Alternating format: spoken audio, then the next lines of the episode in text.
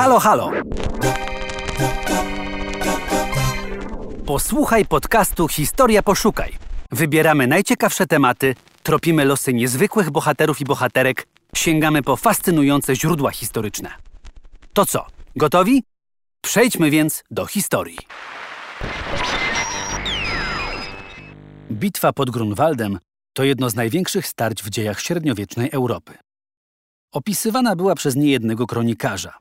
A jednak nadal poszukujemy odpowiedzi na pytanie, jak zginął wielki mistrz zakonu krzyżackiego, Urlich von Jungingen. Jan Długosz przekazał garść wiarygodnych szczegółów. Według niego, następnego dnia po bitwie król nakazał wyszukać wśród trupów krzyżackich dostojników.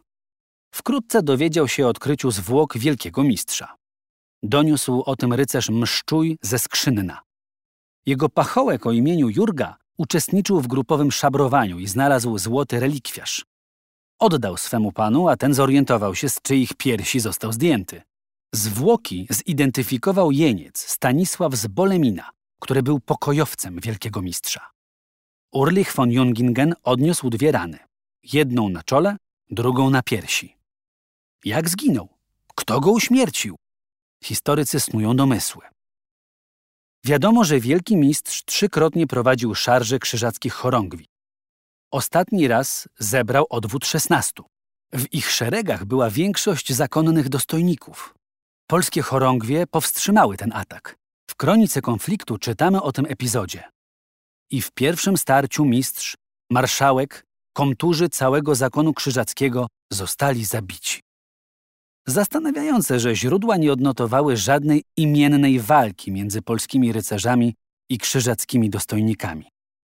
Może spowodowała to chęć przemilczenia faktu, że polscy rycerze byli bezlitośni wobec walczących zakonników? Według Jana Długosza, król nad zwłokami wielkiego mistrza miał powiedzieć, że krzyżacki wódz został w najbardziej żałosny sposób zamordowany, służąc za dowód, że pycha jest gorsza od skromności. Późniejsi autorzy przypuszczali, że wielki mistrz zginął z rąk plebejskich. Mistrza Ulryka prosty drab oszczepem przeszył, który ono mieczami hardzie króla cieszył, pisał w XVI wieku Maciej Strykowski. Niektórzy historycy sądzili, że w ostatniej fazie bitwy atak krzyżacki powstrzymała plebejska piechota i że zakonna starszyzna zginęła pod chłopskimi ciosami. To miałoby tłumaczyć anonimowość ich śmierci. Rzekomo chłopi zabijali okrutnie i nie brali jeńców. Jednak współcześni historycy wskazują, że nie ma żadnych dowodów źródłowych na udział chłopskiej piechoty. Pojawiają się też domysły, że to mszczuj ze skrzynna ugodził śmiertelnie wielkiego mistrza, a jego pachołek wiedział, kogo ma odszukać na pobojowisku.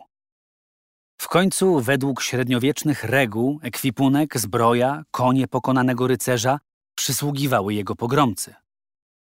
Długoż pisał, że biały kaftan wielkiego mistrza nakładany na zbroję, ozdobiony czarnym krzyżem obramowanym złotem, z tarczą w środku, a na niej z czarnym koronowanym orłem, został ofiarowany do kościoła w Kijach, w ziemi sandomierskiej.